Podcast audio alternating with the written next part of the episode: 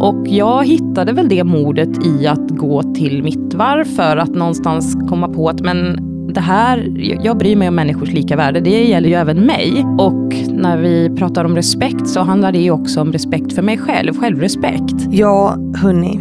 Det där med självrespekt som ju är så otroligt viktigt i så många aspekter av våra liv eftersom det inte bara ger oss mod utan också hjälper oss att dra våra egna gränser. Men visst är det inte alltid helt lätt. Åsa, som är veckans gäst, hon har jobbat otroligt mycket med det här i sig själv och delar med sig av sina erfarenheter i veckans avsnitt. Det är också ett avsnitt om att bygga ett starkt nätverk. Åsas hjärtefråga som är hållbarhet. Valet att inte skaffa barn. Men också om hur nyfikenhet är nyckeln till enormt mycket. Och innan vi drar igång avsnittet så ska jag precis som vanligt tacka fantastiska Excitec som fortsätter att sponsra podden och därmed också göra det möjligt för mig att fortsätta ha de här intressanta och nyfikna samtalen. Så tusen tack för det, Excitec. Men nu, kära lyssnare, precis som vanligt, rätta till lurarna och dra upp volymen. För här kommer ett avsnitt med Åsa Sandberg.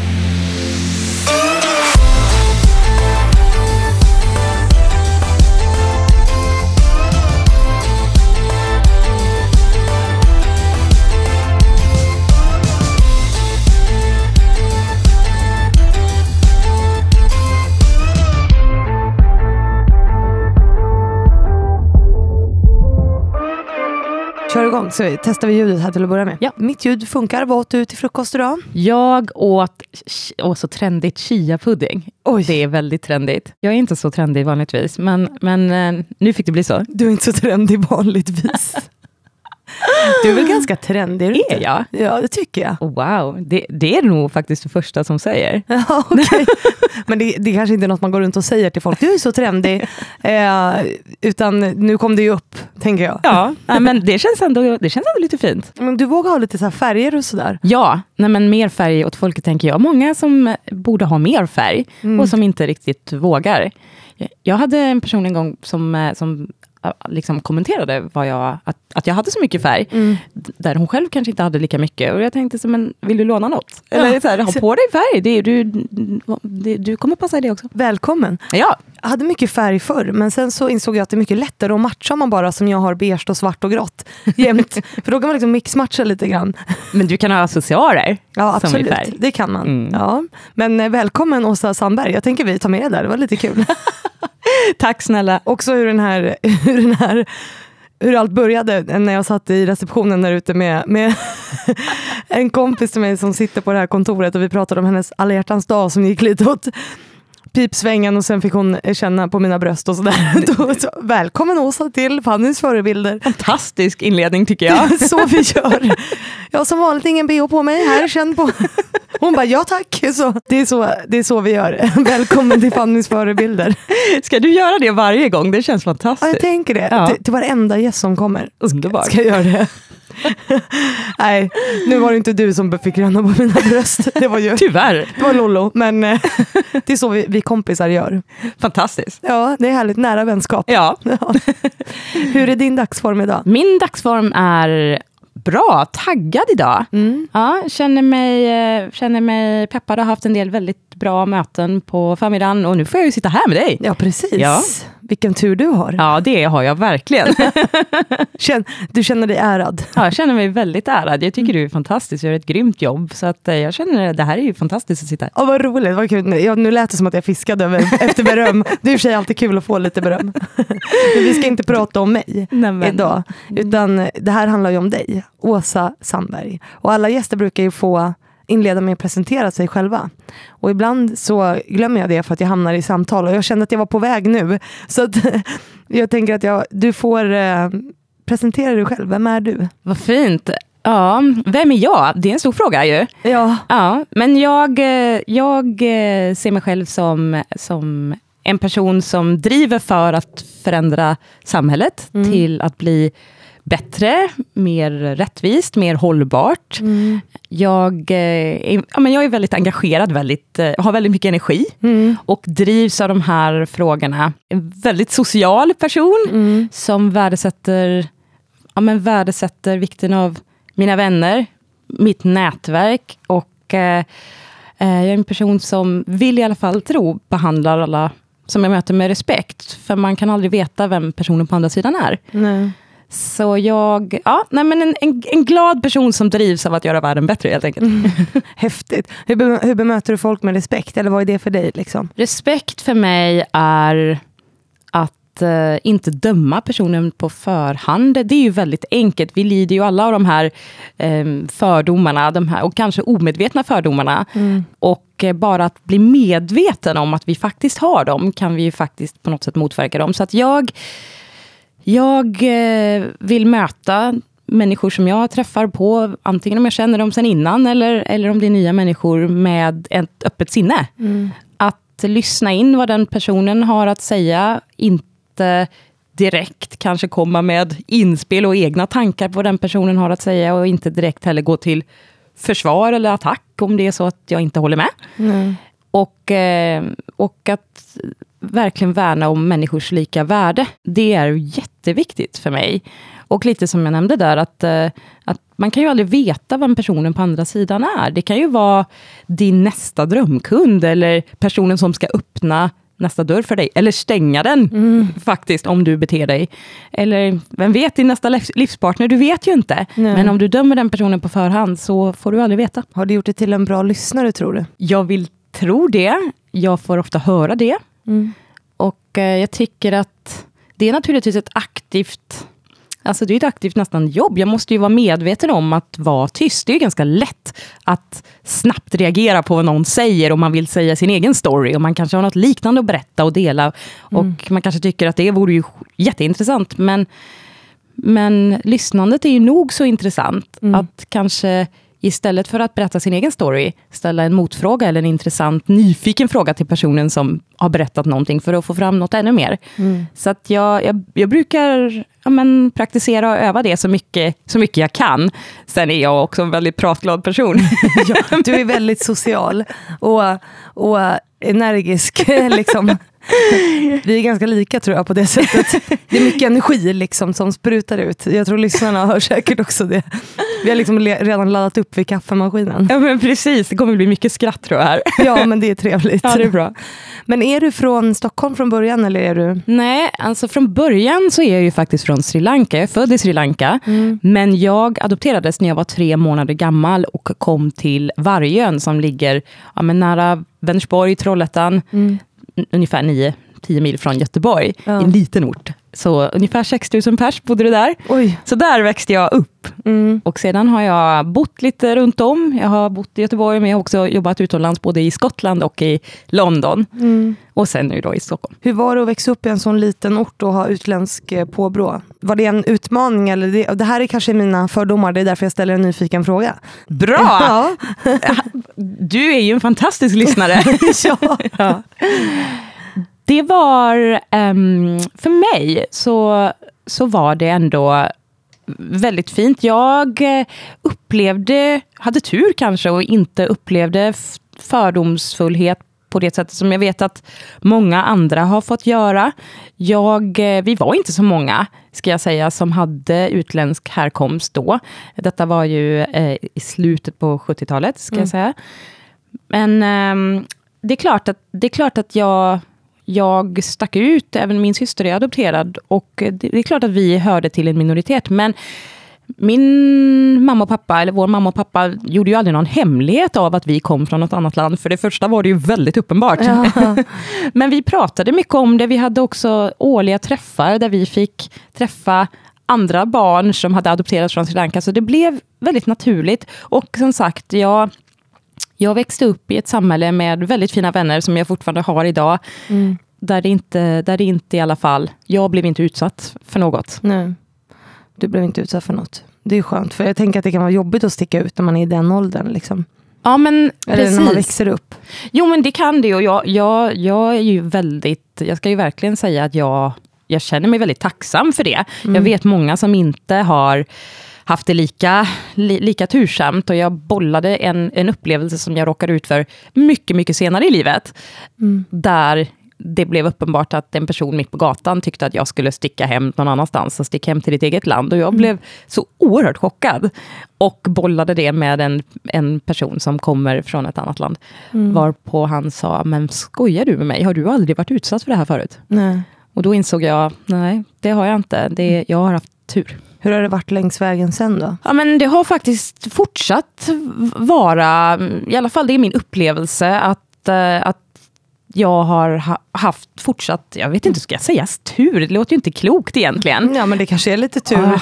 Jag tänker, du har också ett svenskt namn, alltså lite Åsa Sandberg. Ja, men precis. Eh, det kanske också hjälper. Ja, sen tror jag att det, jag är ju jag vet flera, vid flera tillfällen i till exempel arbetslivet, karriären, mm. där jag kan uppleva att jag ändå har fått kämpa lite hårdare mm. för att komma dit jag vill eller liksom få min röst hörd. Mm. Om det beror på min utländska härkomst eller att jag är kvinna eller vad det kan bero på. av det kanske? Ja, kanske till och med mm. det. Mm. Det vågar jag inte säga, men jag kan bara notera att det är så. Jag har noterat det många, många gånger. Mm. Där det, vi kan vara en grupp till exempel i ett rum och där alla kan få frågan eller något mm. liknande, men man missar mig. Mm. Eh, till en början, ganska långt in kan jag säga, i karriären, så lät jag det bero och kände bara, det kändes som ett sting, helt ärligt, mm. i, i hjärtat. Men nu säger jag till. Mm. Nu får det vara nog, liksom. du missar nog mig. Det är ju mm. inte säkert att personen, jag kan inte förutsätta att det är på grund av, på grund av ja, någonting, mm. eller en fördom eller något liknande. Men, men att göra personer uppmärksamma på det, ja. är ju det som kommer leda till någon typ av förändring. Hur hittade du det modet? För det är ju superviktigt att, att göra det. Alltså, därför att det som du säger, det handlar ju om att vara Alltså att öka medvetenheten hos den personen som jag hoppas och tror inte gör det medvetet. Men det är väldigt lätt att, att tro i sin hjärna att den här personen har gjort det här medvetet och den skit också, jag blir förbannad eller vad det nu kan vara och, och går runt med ett agg mot den här personen. Fast det behöver ju faktiskt inte vara så. Nej. Och jag hittade väl det modet i att gå till mitt för att någonstans komma på att men det här, jag bryr mig om människors lika värde, det gäller ju även mig. Mm. Och när vi pratar om respekt så handlar det ju också om respekt för mig själv, självrespekt. Mm. Och om jag inte säger till så kommer den här personen fortsätta göra precis som den har gjort, mm. kanske. Mm. Så att jag hittade modet i mig själv någonstans, i att men jag måste säga till för min egen skull. Och det, mm. det är klart att det där tog ett antal år och, och eh, några terapisessioner ska vi väl verkligen ja. säga. Ja. men, men, eh, men jag är tacksam för det idag. Mm. Att, att, att jag har varit i konstant utveckling, får man väl säga, och är nyfiken inte bara på andra människor, utan även på mig själv. Mm. Alltså jag är nyfiken på att utvecklas och lyssna, inte bara på andra, utan även på mig själv. Och det har kommit mycket, mycket tydligare nu de senaste åren. Mm. Där jag har varit en person som har sprungit väldigt snabbt i mitt liv. Och mm. gjort en massa saker och nästan utmattat både mig själv och mm. andra människor i min mm. närhet som, som, eh, som har följt mig i sociala kanaler och sagt ungefär att, men hur orkar du? Man mm. blir helt matt av att följa dig.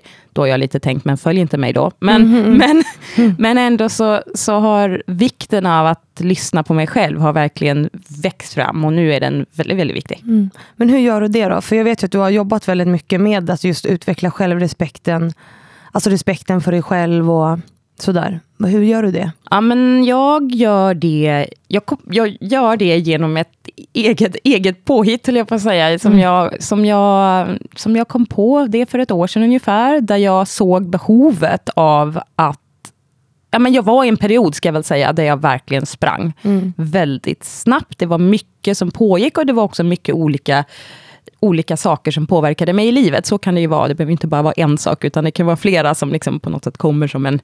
Det blir som en tornado av saker. Mm. Och då, då fick jag hjälp faktiskt att se att men nu, måste du, nu måste du pausa det där berömda, nu måste du mm. pausa och sätta dig på en mindfulness-sten. Liksom. Ja. ja och, det, och det känns varken som din eller min grej. Nej, men det har du väl verkligen helt rätt i, och det har ju aldrig varit min grej. Mm. Men när det stormade så mycket så insåg jag någonstans att jag, om, jag inte, om jag inte bromsar nu, så kommer det här inte bli bra. Nej. Då kommer jag bränna ut mig helt och hållet. Eller, eller jag tappar liksom vikten av vad jag själv vill. För så är det ju, när vi springer och springer och springer, då glömmer vi att lyssna på oss själva och vår egen vilja någonstans. Då kan det, som det var i mitt fall, nästan bli så att ja, men då är det viktigare vad andra personer säger och jag hinner knappt känna efter eller tänka själv. Är det här något jag vill? Så jag hittade på för mig själv att jag skulle börja dejta mig själv. Ja. Och det, det, jag satte upp lite regelverk för mig själv, eftersom jag just har så mycket energi, så kände jag att okej, okay, ska jag hitta på en dejt med mig själv, då kan jag säkert hitta på 15 saker som jag skulle vilja göra just den specifika dagen. Så då sa jag till mig själv, nej det får du inte. Du får göra max tre saker. Och då kunde det vara så enkelt som att ta en kaffe någonstans på ett café, eller liksom gå en promenad, det är en aktivitet. Men, men huvudsyftet var att jag skulle ge mig själv en dag, och det behöver inte vara en hel dag om man inte har, har det utrymmet, det kan vara en timme. Men ge mig själv en stund där det bara var jag som bestämde vad jag skulle hitta på. Det fanns ingen annan input överhuvudtaget. Och att jag också bestämde mig på den specifika dagen, vad jag kände för. För jag kan hitta på en massa saker som jag skulle vilja göra, och jag kan tänka på flera saker nu, men jag kanske inte är i den sinnesstämningen just den dagen. Nej. Och då är det okej att också lyssna inåt och känna, att jag ångrar mig, jag ändrar mig. Och de här tillfällena, de här små dejterna som jag har gjort för mig själv, har gjort att den här inre rösten, man kan kalla det vad som helst, autentiska rösten, inre rösten, vuxna kvinnan om du vill, ehm, verkligen har kommit fram. Och min röst, vad jag vill, har blivit så tydlig. Och jag har också fått insikter på vägen om vad jag faktiskt vill. Mm. Det är häftigt. Hur ofta gör du det där? Nu gör jag det jag gör det en gång i månaden, men jag har också märkt att eftersom jag nu har gjort det till en rutin en gång i månaden, så får jag mer behov löpande av att göra det. Så det kan också vara att jag tar någon eftermiddag då och då, eller liknande, som jag inte alls hade planerat in i början. Det var tänkt som en dag i månaden, som bara är min. Ja. Och det känns ju som att det kan vara bra också, för du är ju, det har jag varit inne på, du är en väldigt energisk och liksom, eh, driven person med mycket energi. Eh, och du är ju också, för du och jag träffades ju första gången i Almedalen och hälsade på varandra på något event där. Och så sprang vi på varandra. Och jag, det som slog mig då var så att du kände alla. och, för, för vi stod och pratade och så bara hej och hej och vet, så här, till, till alla hela tiden. Jag bara, ja. Och sen så, eh, alltså inte att du tappade fokus på mig men man märkte ju att du mär- kände alla liksom.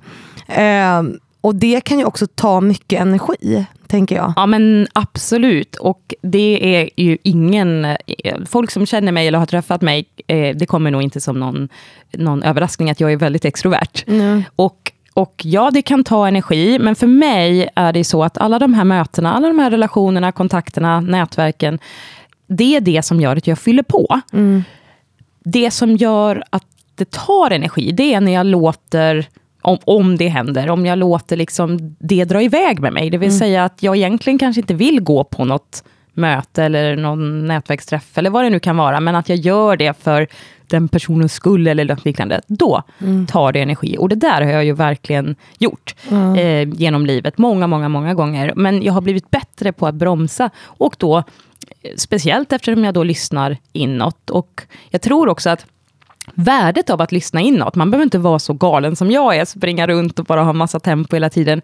Men det räcker med att kanske leva i en tvåsamhet till exempel, och, eller familj, och kanske aldrig få tid för det där. Och jag vet inte om du kan känna igen det, men jag möter ganska många om, de berättar om sitt vardagsliv, och så, så heter det helt plötsligt att vi tycker om det här, eller vi gör det här. Och då kan jag fundera ibland, så här, ja okej, och det är säkert sant, men vad tycker du? Mm. Och det har man glömt av på vägen, för man lyssnar inte. Nej, man lyssnar inte på sig själv. Har du känt att du... För det kan vara lätt när man liksom har ett stort nätverk och är social och som du ganska så här, ja, men du bjuder ju mycket på din energi och på dig själv. Att det kan lätt bli så att man blir utnyttjad. Ja, det där är ju en sån viktig fråga. Och ver- ja, ja, det har jag. Absolut. Jag, har- jag eh, har blivit det.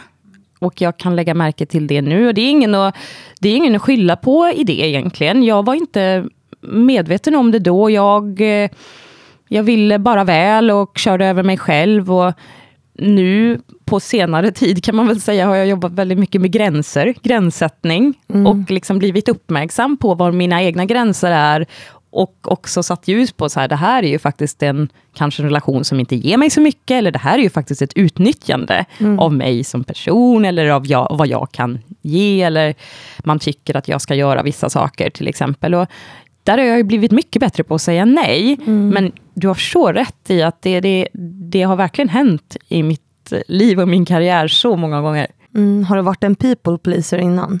Enormt. Mm. Alltså enormt. Och det det kan jag, jag, jag, kan ju liksom på ett sätt sörja det mm. idag, när jag har blivit medveten och uppmärksam på att jag både till viss del ibland kanske till och med är det ibland fortfarande, om jag mm. halkar dit, men jag har i alla fall varit det. Mm. Och att det har lett till en, en, massa jobbiga känslor i mig nu när det kom upp på ytan. Och samtidigt så har det också gjort att jag har fått fantastiska möjligheter. Det mm. har lett till otroliga möten. så att jag, jag kan inte slå på mig för det, men, mm. men nu är det liksom nu jag sätter jag mig själv mer i fokus än vad jag gjort tidigare. Så ja, kan man lära sig att sätta gränser på något sätt.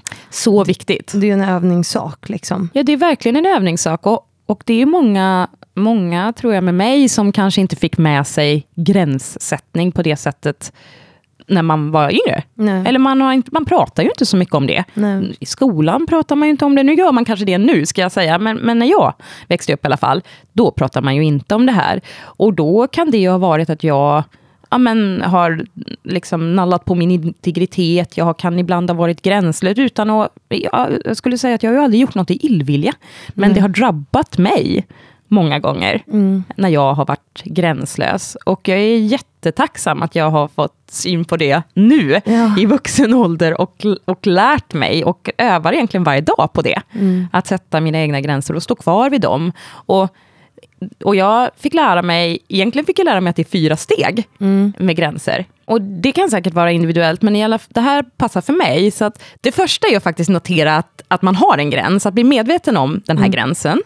Det andra är att säga den högt, både för sig själv, men kanske till en person som det ja, men påverkar. Mm. Men den tredje som jag egentligen tänker är det viktigaste steget, det är konsekvens. Det vill mm. säga att om man har en gräns och den blir övertrampad på något sätt, då måste det bli en konsekvens av det. Mm. Du måste göra någonting för att visa att men det där, nu gick du över min gräns, annars blir det ingen gräns.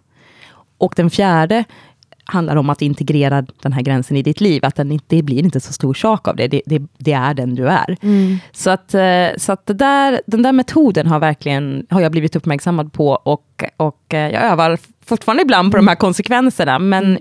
Mycket mer medveten om dem idag. Har du något så exempel på vad en konsekvens har fått för dig att vara gränslös? Ja, absolut. Dels så kan det vara att jag har, men om, om, om jag känner väldigt tydligt mm. att den här personen vill mig egentligen inte så väl, mm. men den har ju en massa kontakter, det kanske ändå är bra att jag hänger med den här personen på något mm. sätt, fast jag kan ändå känna att den här personen vill bara utnyttja mig på något mm. sätt.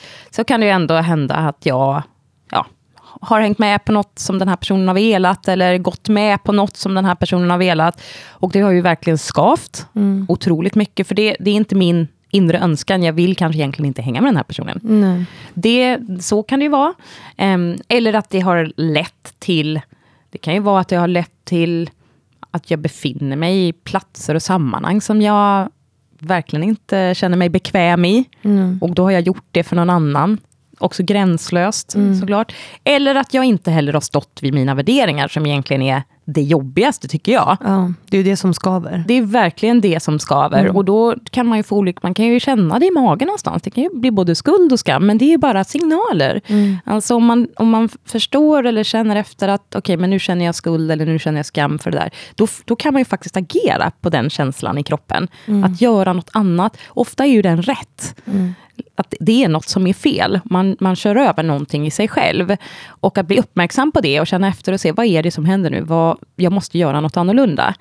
Och jag har många gånger, tyvärr ska jag säga, kört över mina egna värderingar. Men och det, det är fruktansvärt. Ja. Det är hemskt och det kan plåga mig fortfarande ibland när jag tänker mm. på det. Mm. Men, men jag får se det som en utvecklingsresa, en läroresa, att jag vill inte göra det mer. Um, och, uh, och att bara bli du vet, uppmärksam på när det händer och att göra något annat. Vad har du gjort för att landa i dina värderingar? Har det varit en del av det här utvecklingsarbetet? Att liksom... Ja, det skulle jag säga. Jag fick frågan, det här är flera, flera år sedan, så fick jag frågan om vad jag tycker är viktigt i en relation. Mm. Och då fick jag tänka efter ett tag och så sa jag, ja, men respekt för mig är viktigt, att man behandlar varandra med respekt. Tid, Mm. det vill säga att båda ger tid in i relationen. Trygghet, det vill säga jag ska känna mig trygg Mm. med att kunna vara den jag är. Och tillit, jag ska kunna lita på den här personen. Ehm, och sen har det, har det kommit en värdering till på vägen, och inkludering, Mm. vilket också jag, jag har... Ja, men det är en väldigt viktig värdering för mig. Men det jag landade i efter att det där kom upp på ytan, i, ehm, i samma samtal faktiskt, det var att jag insåg då att jag inte hade någon av de värderingarna själv Nej. för mig själv. Jag gav mig inte egen tid. Jag kände mig inte trygg. Jag höll på att flytta runt som en galning. Jag var i det här att jag kanske sa ja till lite för mycket saker. Så jag kunde inte riktigt lita på mina egna min egen stig. Nej. Och definitivt så var det alldeles för lite självrespekt. Och det, någonstans där måste man ju börja. Man kan inte leta efter det där i en relation om man inte har det själv. Nej. Ja, det är jättesvårt. Jätte. Men du är ju, eh, vi lämnar det spåret tänker jag, och så går vi vidare till det spåret som jag så fascineras av med dig, eller som jag förknippar dig mycket med, och det är ju att du är nätverksdrottningen. och det här är ju något som, är, som ofta kommer upp här också, att det här med nätverk är enormt viktigt. Eh, Och kanske framförallt för, för kvinnor, att bygga stora nätverk så att man kan hjälpa varandra och så vidare, oavsett om det är män eller kvinnor man bygger nätverk med. Och då tänker jag att du ska få säga hur du har gjort och tänkt för att bygga ett, ett nätverk som är så stort. Liksom. Det här är verkligen ett ämne som jag är så passionerad Mm. kring. Jag har verkligen alltid sett vikten av nätverk. Mm. Det kan bero på mitt ursprung, det vet jag inte. Men, men, men jag, jag har alltid förstått och fått, fått någonstans skörda frukten av Mm. att ha ett nätverk. Och jag har ju själv drivit affärsnätverk till och med, bara en sån sak. Ja. Men, men, men jag, jag började någonstans med att se, vad vill jag att det här nätverket, vad, vad, vad vill jag både ge och vad vill jag få?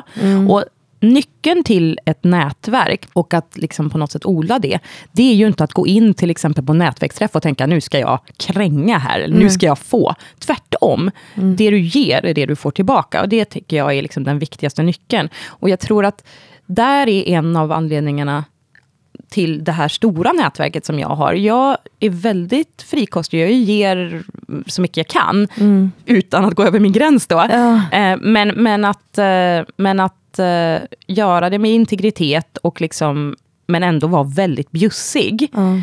Och också att göra det med respekt. Det vill säga, i de här nätverken så vet inte jag vem som ska Ja, men vem som ska på något sätt kanske ge någonting till mitt liv. Det vet jag ju inte när jag börjar prata med en individ. Så att för mig har de här nätverken varit fantastiska. Man kan ju ibland vara väldigt ensam, speciellt om man är entreprenör. Då behöver man ju några något nätverk som liksom hejar på, som firar med när det går bra, men också så här håller upp fanan för en när det dippar, som kommer med råd, andra perspektiv.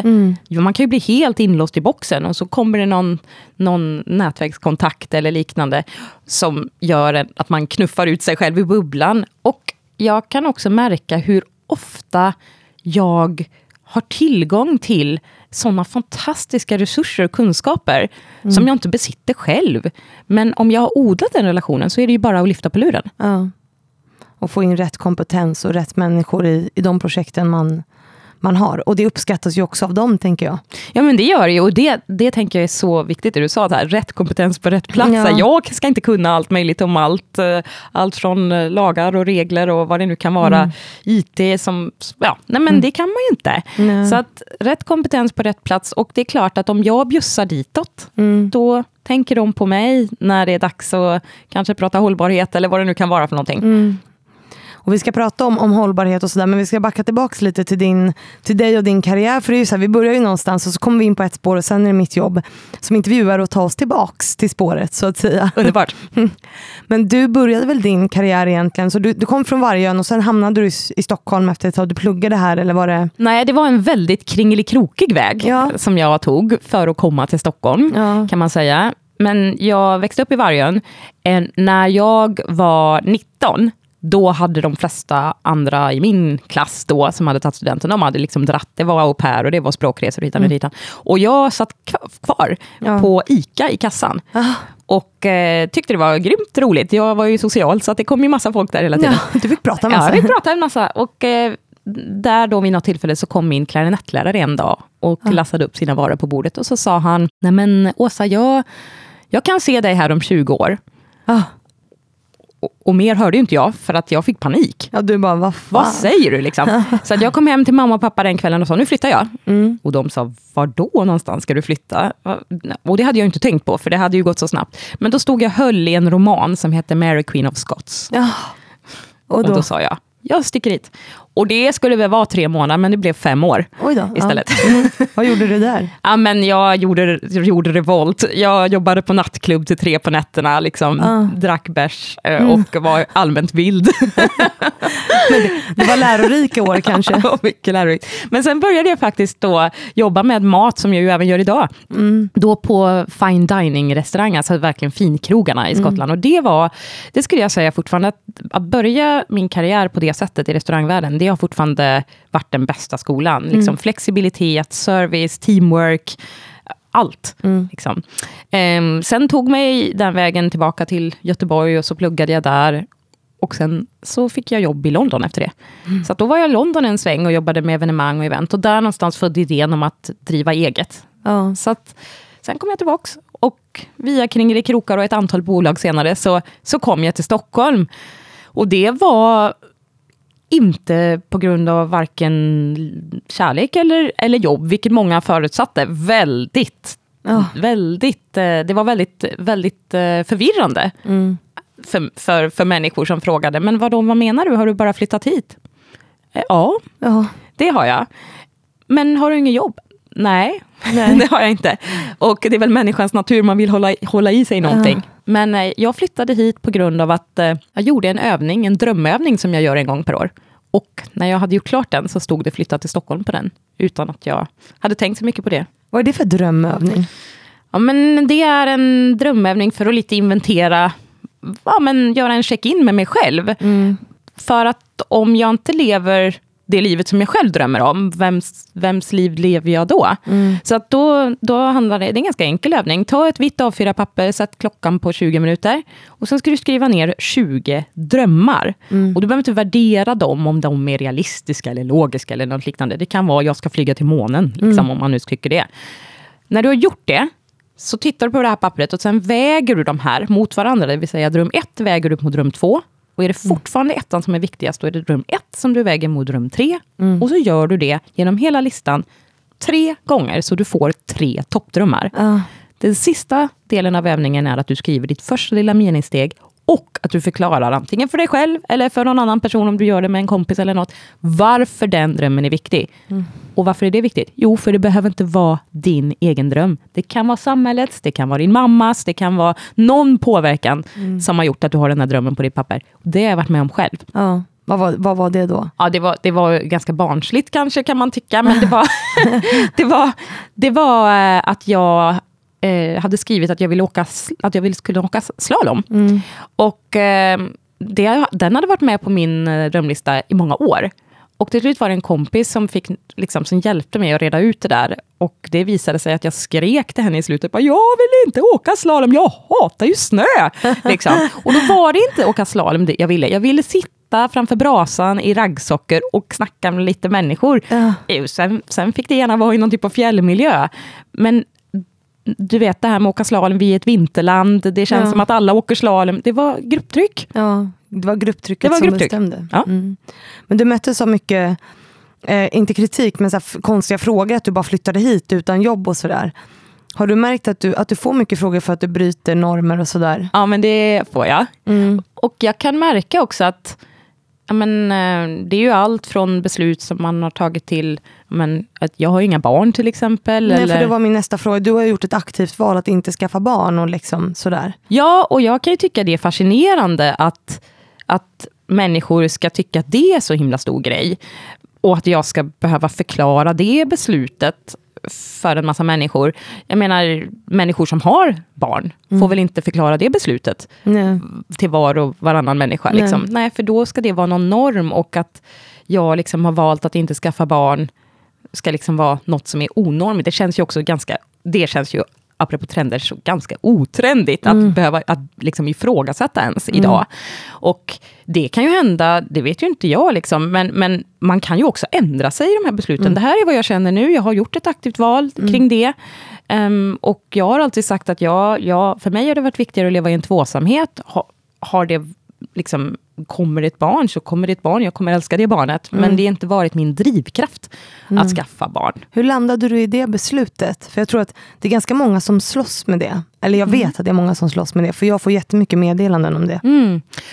Jag landade i beslutet att Ja, men jag landade i beslutet att för mig så, så det, det, var bara så tydligt för mig att om jag hade haft en drivkraft att skaffa barn, då hade jag nog letat mig till en lösning. Mm. Jag hade kanske ja, men, letat efter en person att uh, gå in i ett förhållande med, som mm. var på samma plattform som jag, för att skaffa barn. Eller jag hade skaffat barn själv, om det hade varit min drivkraft och jag hade haft möjligheten att göra det. Mm. Men för mig var, har det ju liksom aldrig varit drivkraften.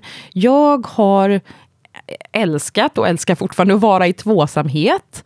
Och jag älskar det livet som jag har. Mm. Och det, det, var inte, det var liksom inte ett så stort beslut för mig att fatta fatta. Det kanske låter provocerande, för jag kan ju förstå att det, det är ju ett stort beslut. Jag, jag, förstår det. Och jag menar inte provocera någon genom att säga det, men för mig... Men du ska väl inte provocera genom att säga det? Alltså, det ska inte ens vara provocerande tycker jag. Men, nej. Men, men, men, men jag menar bara att för mig så kändes det bara tydligt att jag, jag vill leva mitt liv i en tvåsamhet. Blir det barn, så blir det ett barn och då kommer det vara ett väldigt älskat mm. barn. Mm. Eh, men, men eh, det är inget som jag har, har sett att jag har en driv att, att göra eller genomföra på något sätt. Nej, men det handlar inte om att låta det styra heller. Liksom. Nej, men precis så. Och det har ju varit tydligt för mig. Och jag kan inte riktigt säga hur jag landade i det, utan det, det har bara...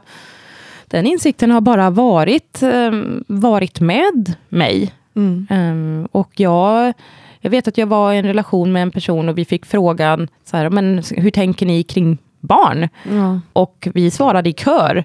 Jag sa nej och han sa ja. Och då var det ju lite så här, äh. oj, ja, okej, nu måste vi nog snacka här. oj, vad stelt. Ja. men, men, då, ja, ja, men då var det så här tydligt för mig, okej, okay, men det här är inte så, det här är tydligen inte det viktigaste för mig i alla fall. Nej. Men skönt att landa det, för jag tror eller jag vet att det är många kvinnor som slåss med det här och liksom pressen från samhället på att man ska skaffa barn och att det förväntas. Liksom. Jag menar jag som är 33 får höra det ofta. Du är singel, lever med en chihuahua och har inga barn. Så här, hur tänker du? typ? Alltså inte så rätt ut, men det är ju det som är budskapet. Alltså, och det är ju det är skitirriterande tycker jag. Ja, men jag, jag, har också, jag har också lite svårt för det där. För att vem är de personerna mm. att ens ifrågasätter dina val? Mm. Är det en projektion över vad de själva känner? Vad är det, vad, vad är det som gör att de känner sig liksom manade att ens ifrågasätta eller ställa frågan till dig? Mm. Det kan jag tycka är både lite provocerande men också intressant. Mm. Så var, varför det? Mm. Och eh, jag, jag, jag, jag har ju också fått samma frågor. Natur mm. Jag har fått dem genom åren, hur många som helst. Jag har, haft frågor, jag har verkligen haft människor som har lagt en hel kväll på att försöka övertyga mig om att jag har fel. Och, och det slut får man ju bara sluta svara, för det går, vad, ska, vad ska jag göra? Liksom? Det går mm. inte. Mm. Men, men, eh, men det fascinerar mig och jag, jag menar, där handlar det kanske bara om vikten att försöka tyst, till, till slut säga tysta personerna och fråga mm. tillbaka. Men förklara gärna varför du har valt att skaffa barn. Om det nu är så då. Mm, precis. Och man är egoistisk när man inte skaffar barn och så vidare. Och så är det ju kanske ofta tvärtom. Men det, det är en större fråga. Ja. Och som du säger, en person som har skaffat barn får inte frågan varför gjorde du det? Nej. Nej. Nej. Varför skaffade du barn? Nej. Nej. Och, och det... Nej, men jag, jag, tycker verkligen att det där är, är spännande. Och vi, vi är väl också så till mans, vi vill förstå och när någonting är lite så här, det går lite mot normen, då vill vi liksom, vi, vi vill ju någonstans, vi säger mm. att vi vill ha olika, men vi vill inte alls ha olika, vi mm. gillar ju lika liksom. Mm. Sociala normer, sociala koder, vi gör ofta det som, vi gör ofta samma, samma beteende som de som är närmast oss. Mm. Så att olika, det, känns, det ska vi ofta lite. Mm. Liksom. Och så tycker vi att nej, men kan vi inte, om, jag, om jag säger mina argument till dig, så, mm. så kan jag nog få dig att passa in i boxen. Och här kommer vi tillbaka till nyfikenheten som jag tycker är enormt viktig här. Alltså att ställa nyfikna frågor och inte komma in i de här diskussionerna med sina egna värderingar och liksom vad, vad man tycker själv är rätt. Utan om man tycker någon väljer annorlunda än vad man själv hade gjort, så fråga varför. Liksom. Det är ju inte svårare än så. Ja, men du, det är ju så himla det är så himla rätt du säger tycker jag. Och det är klart att man går in det är ju naturligt, man går in i en dialog med sina egna värderingar, sitt eget bagage, sin egen mm. erfarenhet etc.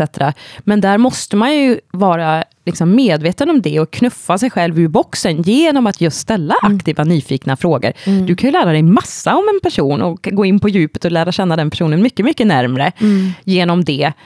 Och verkligen vara, ja, men bli medveten om att, att det är faktiskt det som händer när man kanske automatiskt ska börja veva igång någon typ av försvar mm. eller argumentation för att få den personen att ändra sig. Mm.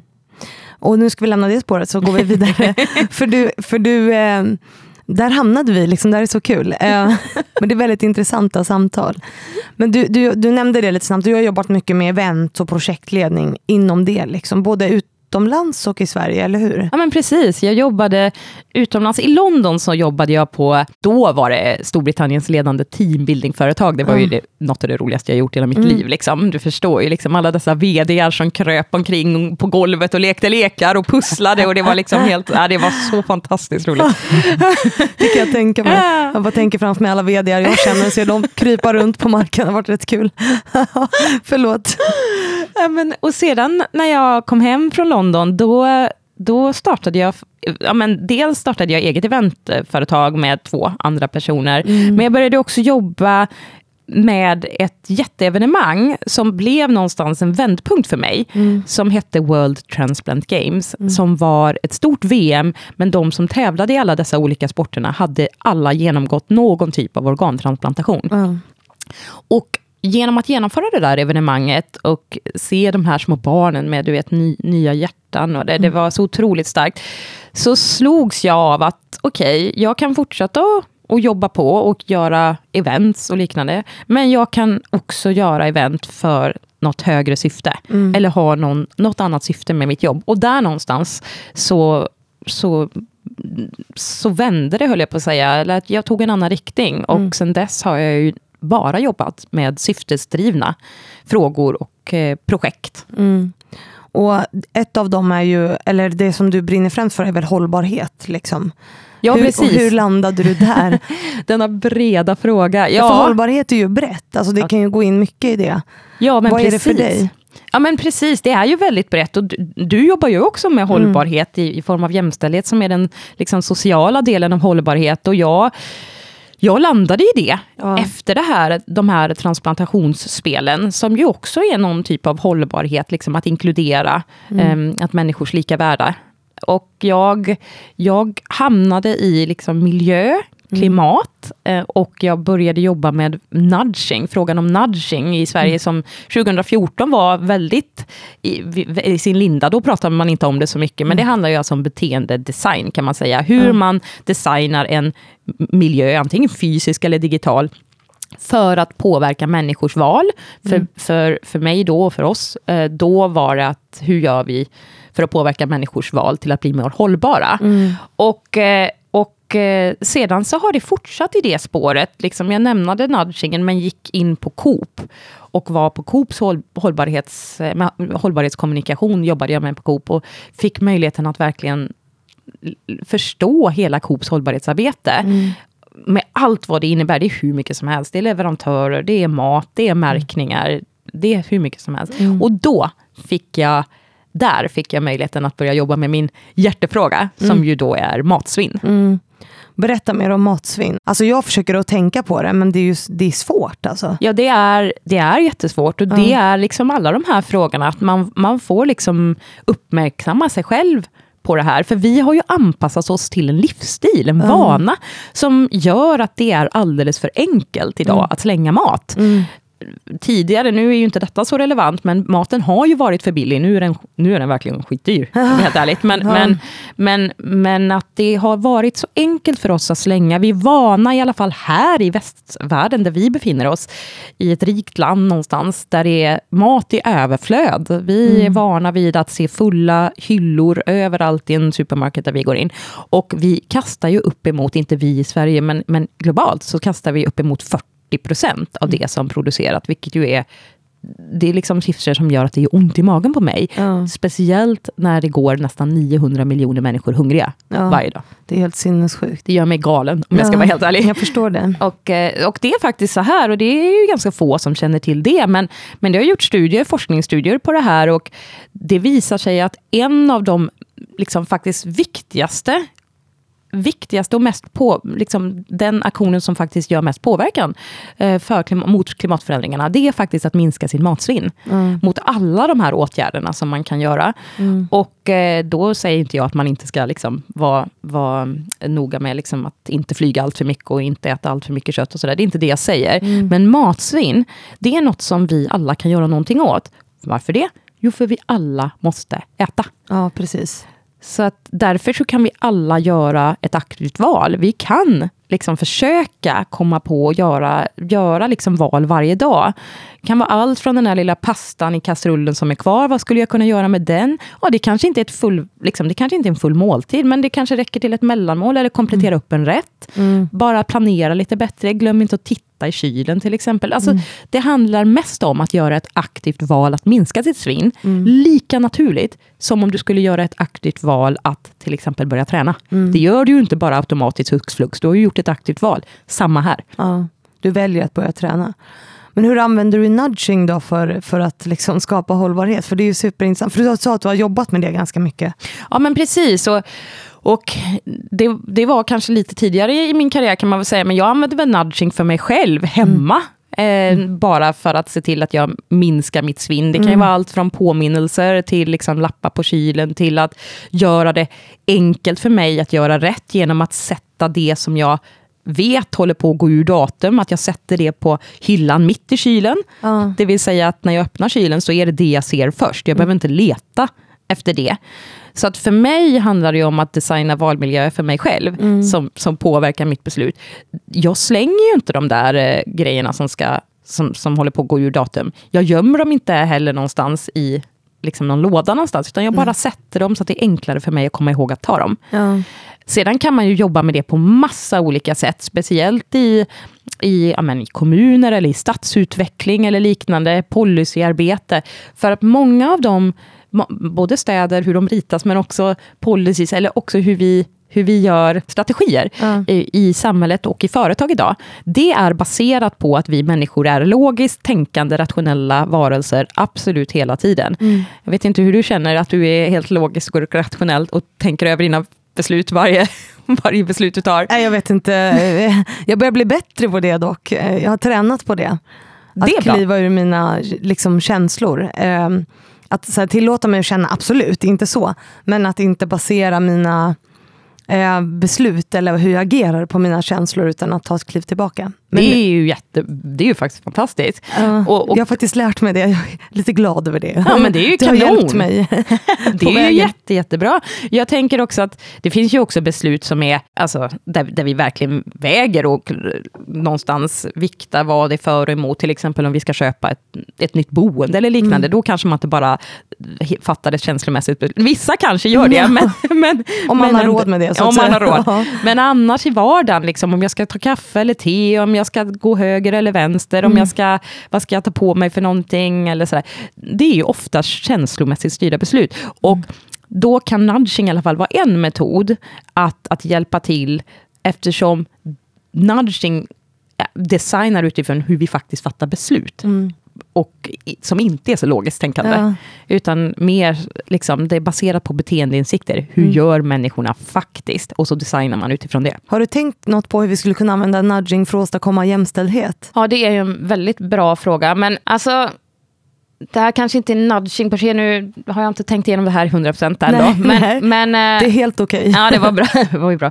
Men, men jag tänker att, att bara att göra det upp att, att, att uppmärksamma frågan. Mm. Eh, det vill säga att, eh, att eh, om man säger i styrelserum, eller jag tänker på event, när vi planerar mm. event till exempel, att verkligen att de här jämställdhetsfrågorna kommer upp på, på, liksom, de kommer upp lika naturligt som så här, vad ska vi ha för mat? Mm. Så ska de också upp på agendan. Okej, okay, men vad ska vi ha för talare till exempel? Mm. Och så att det inte bara är fyra män och så är det en kvinnlig moderator, mm. vilket är ofta väldigt vanligt. Ja. till exempel. Det kan ju också vara i rekryteringssammanhang mm.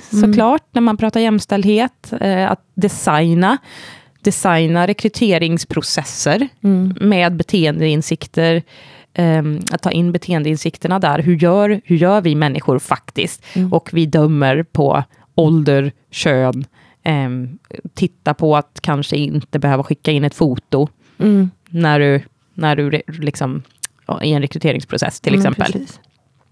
Um, nu är det kanske inte klockrent nudging, men, men, men det finns massa du olika sätt. Du behöver inte ha något tydligt svar, det var bara en spontan ja, fråga. Som, eftersom vi pratar mycket om jämställdhet ja, och jag ständigt utforskar lösningar, så tänker jag att det jag vill ta upp det. Ja men såklart, och det, det finns massa sätt att kunna liksom mm. göra det på. Men det man måste göra då, det är faktiskt att analysera människors beteende. Mm. Innan man ger ett, liksom, som jag, om jag skulle haspla ur mig ett svar här, men att verkligen analysera människors eh, beteende. Vad är det mm. som gör att de idag inte gör jämställda beslut? Ja. Tittar man på mig till exempel, jag tar ett, jag tar ett exempel som inte alls har med jämställdhet att göra, men bara har med min egen, mitt eget beteende att göra. Ja. När jag skulle börja träna, så köpte jag ett gymkort. För det var ju det var det enda jag tänkte att jag skulle göra någonstans. Mm. Vad är den enklaste lösningen? Jag köper ett gymkort och så köper jag lite trendiga, härliga träningskläder, träningskläder ja, så jag kan känna mig lite extra trendig på gymmet här. Ja.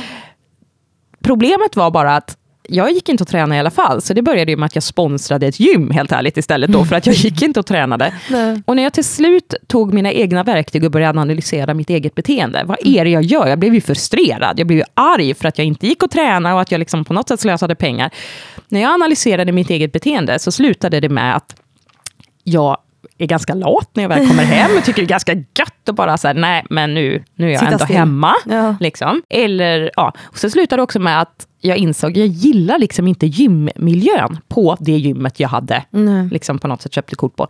Det hade varit mycket bättre om jag hade analyserat mitt beteende och tänkt, ah, jag kanske ska köpa en danskurs, vilket mm. jag älskar. Mm. Det hade varit mycket bättre. Istället köpte jag ett gymkort, vilket var det mest naturliga oh. jag kunde komma på. Mm. Så att Um, hade man då ställt frågan till mig, hur ska du komma i form? Ja, dans hade varit ett bättre svar ja, på den. Precis. Så det är liksom, man måste analysera beteendet bakom för mm. att komma på, hur ska jag designa för mig själv? Mm, för att få folk att...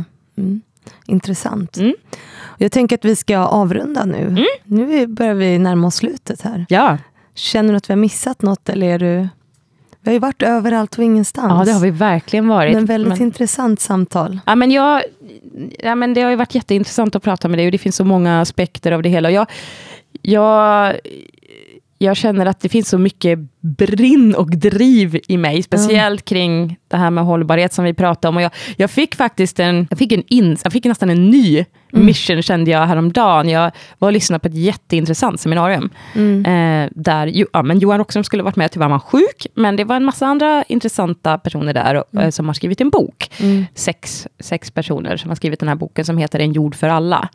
Och eh, jag tror att Johan Rockström själv beskriver den som liksom en överlevnadsguide för mänskligheten. Mm. Och när jag hörde på det där seminariet, som var, det är tungt alltså, på riktigt. Det där är, det där är ingen lätt fakta. Mm. Men det är också, det är hoppfullt, för det finns hopp. Och det finns lösningar. Mm.